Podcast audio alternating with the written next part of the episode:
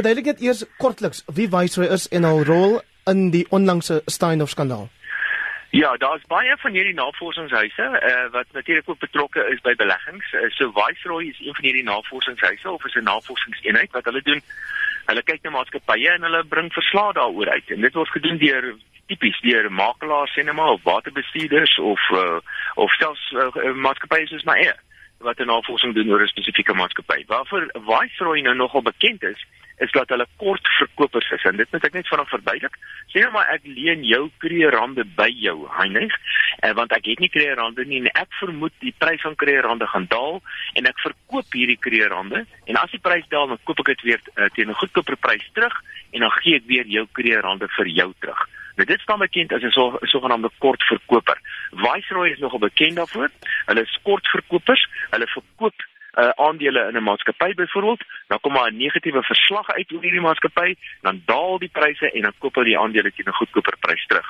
Uh wat gebeur het met Steinhoff is en ek dink die Steinhoff se uh, die Steinhoff debacle of die, die Steinhoff bubble sal in elk geval gebars het. Maar Viceroy was nogal gelukkig geweest net voor daai skerp daling in die Steinhoff aandele het hulle 'n verslag uitgebring wat redelik krities was oor Steinhoff en daarna het die aandeleprys baie baie skerp gedaal en uiteindelik lyk dit toe of blyk dit toe asof daar waarheid was in die probleme of in die gerugte rondom Steinhoff. Nou hulle het tog hulle reputasie daardeur opgebou dat hulle daardie probleme kan raak sien en die afgelope klompie weke was daar 'n paar gevalle gewees waar daar gerugte die ronde gedoen het dat dat die Viceroy weer 'n keer die een of ander verslag gaan uitbring en dan kom die mark onder baie eh, baie druk. Die, as jy nou, kyk na die individue by staan by by Viceroy dan is dit maar ek dink een van die die ou wat die brein agter dit is eintlik 'n sosiale werker hy het nie die nodige kwalifikasie. Ons het, so ek dink hulle is kortverkopers. Goed, ons ek dink daar was baie fokus op op Viceroy gewees met die vorige Steinhoff verslag. Ja. Um, ek wil baie graag hê ons moet praat spesifiek oor Capitec wat 9 miljoen Suid-Afrikaners of um kliënte natuurlik raak en daar is ook baie vrae van ons luisteraars. In 'n netedop dan wat presies het Viceroy oor Capitec bekend gemaak? Nou laat ek net sê, ek het nie kreerande nie, maar ek is wel 'n Capitec kliënt.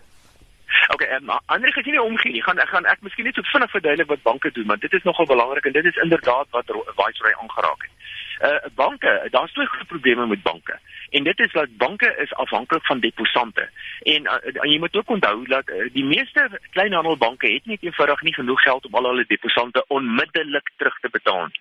Want 'n uh, bank leen geld by mense en hy leen dit aan iemand anders ter uit en die heel meeste banke gaan in baie groot likwiditeitsprobleme kom as ons almal hardloop en al ons deposante of deposito's onttrek by die banke. En om daardie rede is daar allerlei streng reëls op alle banke van toepassing. En indien daar 'n sogenaamde run om the bank is, dan dan dan dan het die bank net eenvoudig nie genoeg geld nie, maar dit beteken nie die bank is insolvent nie.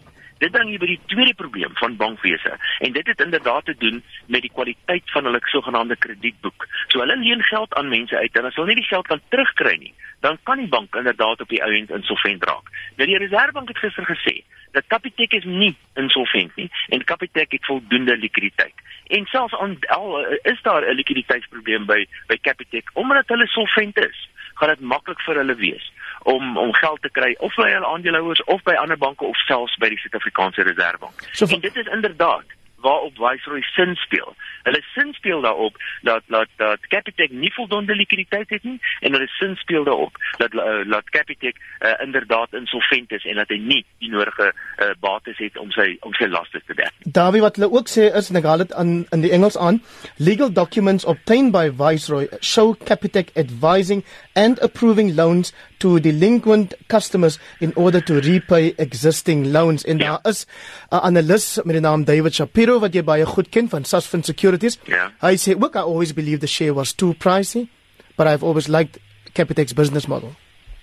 Ek dink mens moet 'n onderskeid tref tussen 'n paar goeie se. So die eerste een is daai verslag van van uh, Viceroy is redelik emosioneel. Jy het nou onder andere na van hierdie goedes verwys. Hulle sogenaamde loan sharks uh, wat uh, geld uitleen teen teen 'n baie duur prys teen hoë rentekoers het aan mense wat nie ernstig anders se geld kan kry nie. En dit is